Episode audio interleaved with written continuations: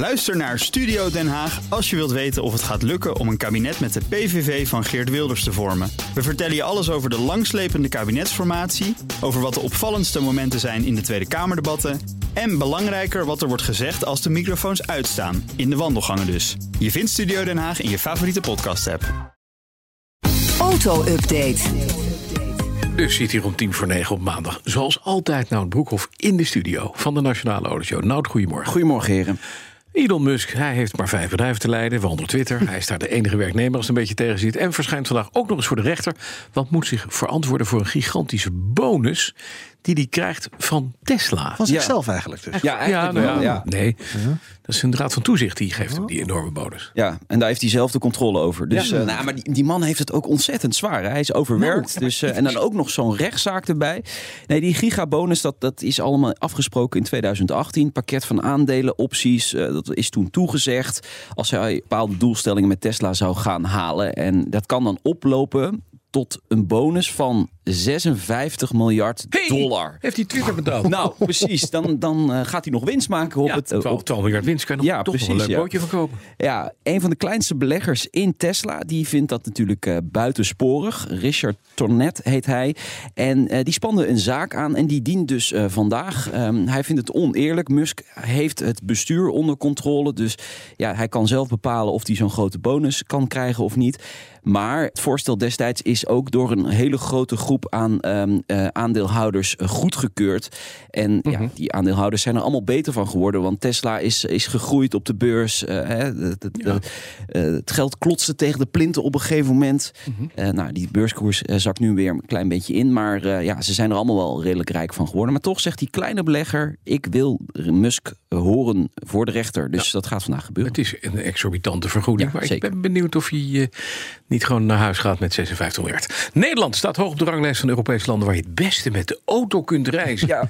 En tussen haakjes, als je in de file wil staan of niet? nee, dat nee. staat er niet achter. Hè? Nee, dat staat er niet achter. Resultaten van een onderzoek van de International Drivers Association. Eh, Nederland staat op plek 2. Kwaliteit van het wegennet is heel erg goed. Relatief weinig verkeersslachtoffers per du- 100.000 inwoners.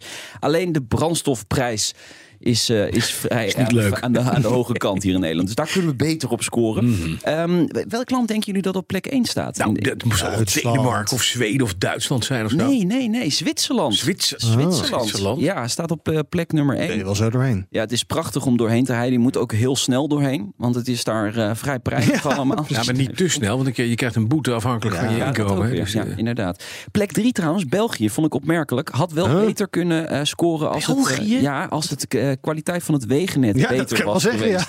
Want dat is het slechtste van, van heel Europa, eh, nog altijd. plek 3. Ja, want de, plek 3. de pothol is toch wel bedacht in België? Helemaal, helemaal onderaan? Helemaal onderaan? Nou, ze hebben de top 10 eh, samengesteld. Dus onderaan in die top 10 staat eh, Frankrijk. Gevolgd door eh, op 9 Oostenrijk. Dat vind ik toch landen die allebei beter scoren dan België. En acht, acht. Rijk door een ander Ja, er België. wordt dan. naar verschillende dingen gekeken. Oké. Verkeersveiligheid natuurlijk, eh, de, dichtheid van het wegennet. Nou, Een België is natuurlijk klein, klein. Als ik tegen jou zeg LM002, wat zeg jij dan tegen mij? Ja, dat eh, legendarische Lamborghini Ja, natuurlijk. een legendarische Lamborghini. Ja, een soort Hummer-achtige auto was dat. Ja, was- ja, het was de een Hummer avant la lettre Ja, eigenlijk. eigenlijk wel, Hummer is gebaseerd op de LM02. Het was een beest van een auto die 250 in het zand kon, geloof ik. Maar er komt een nieuwe. Want ze hadden de Oers. Ja, nee. Maar dat was een beetje een, heel goed om daarmee op een parkeerterrein van een supermarkt te landen. Ja, maar ze gaan die niet eh, eh, als Offroad. offroad brengen. Nee, Nee, nee, nee. Ehm, geen grap. Ze gaan de Huracan eh, brengen als offroad model. Hebben ze aangekondigd. Ja, de Huracan Sterato, een offroader. En eh, gisteren is er een teaser video vrijgegeven.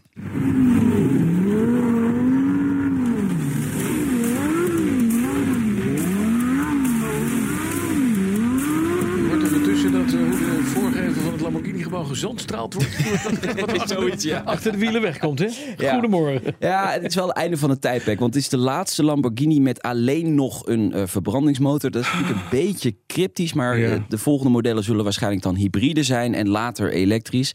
Maar goed, eh, ja, die auto staat uiteraard wat hoog op zijn poten. Ehm, er is vierwielaandrijving, een lekker grote wielen, 20 inch. eh, dakdragers zitten er bovenop en twee ledlampjes op de voorkant. Hè. Een beetje de rally-style. eh. dus, en hij gaat binnenkort komen, de Lamborghini Huracan Sterato. Wat kost die? Ja, dat is nog niet bekend, maar dat, dat horen we binnenkort in december. Ja. De naam is, zegt altijd van Lamborghini waarmee je naar de... En Toyota breidt ons mentaal voor op de nieuwe Prius. Ja, eh, woensdag op de, op de Los Angeles Autoshow komt eh, de nieuwe Prius. Er zijn een hoop teasers vrijgegeven. De vijfde generatie van deze superhybride. Het silhouet van het model is vrijgegeven. Ziet er weer ja, gewoon lekker gestroomlijnd uit. Zitpil? Ja, jij zegt altijd zet Dit nul is wielen. Ja. ja, nou, volgens mij komt het ontwerp meer in, in de lijn met de elektrische modellen, de BZ-modellen te liggen. Ik zat trouwens even te kijken hoeveel Priussen in Nederland rondrijden. Er zijn helemaal niet zoveel, gelukkig zou je bijna zeggen. Daar heb ik heel, heel hard mijn best voor gedaan. Het is alweer jouw verdienste. 50.000 rijden er toch nog Oh. om. Nou, valt mee toch? En ze worden de laatste jaren echt nauwelijks nog verkocht. Dus eh, ja, ze hebben wel eh, nood aan, aan de nieuwe Prius. Eh, voor een nieuwe Prius. ja, ik ben benieuwd hoe zuinig ze hem weer krijgen. Dat, het is toch wel knap. Eh, weet je, En weet je, het zijn eigenlijk hele goede auto's. oh, Ziet er alleen niet uit, maar nee, ja, nee, dat, En wat is je dat is wel actie, jammer. actieplan om ook die laatste 50.000 weg te krijgen? dit niet. Nee, maar Nee. Lexus, Lexus heeft natuurlijk ook gewoon de Prius. De, de, de, de, wat is de IS200H geloof ik gehad? Ja, Het ja, kleine, de kleine Lexus. met, die, eh, met die CVT. Ja, eh, ik moet het zeggen, ik heb een kind die heeft zo'n ding. ja. Nee, dat is geen, dit is een stiefkind, dus oké. nou, dat moet je... Hij heeft ook wel zo hoor. onaardig. Nee, dat is onaardig. Oh.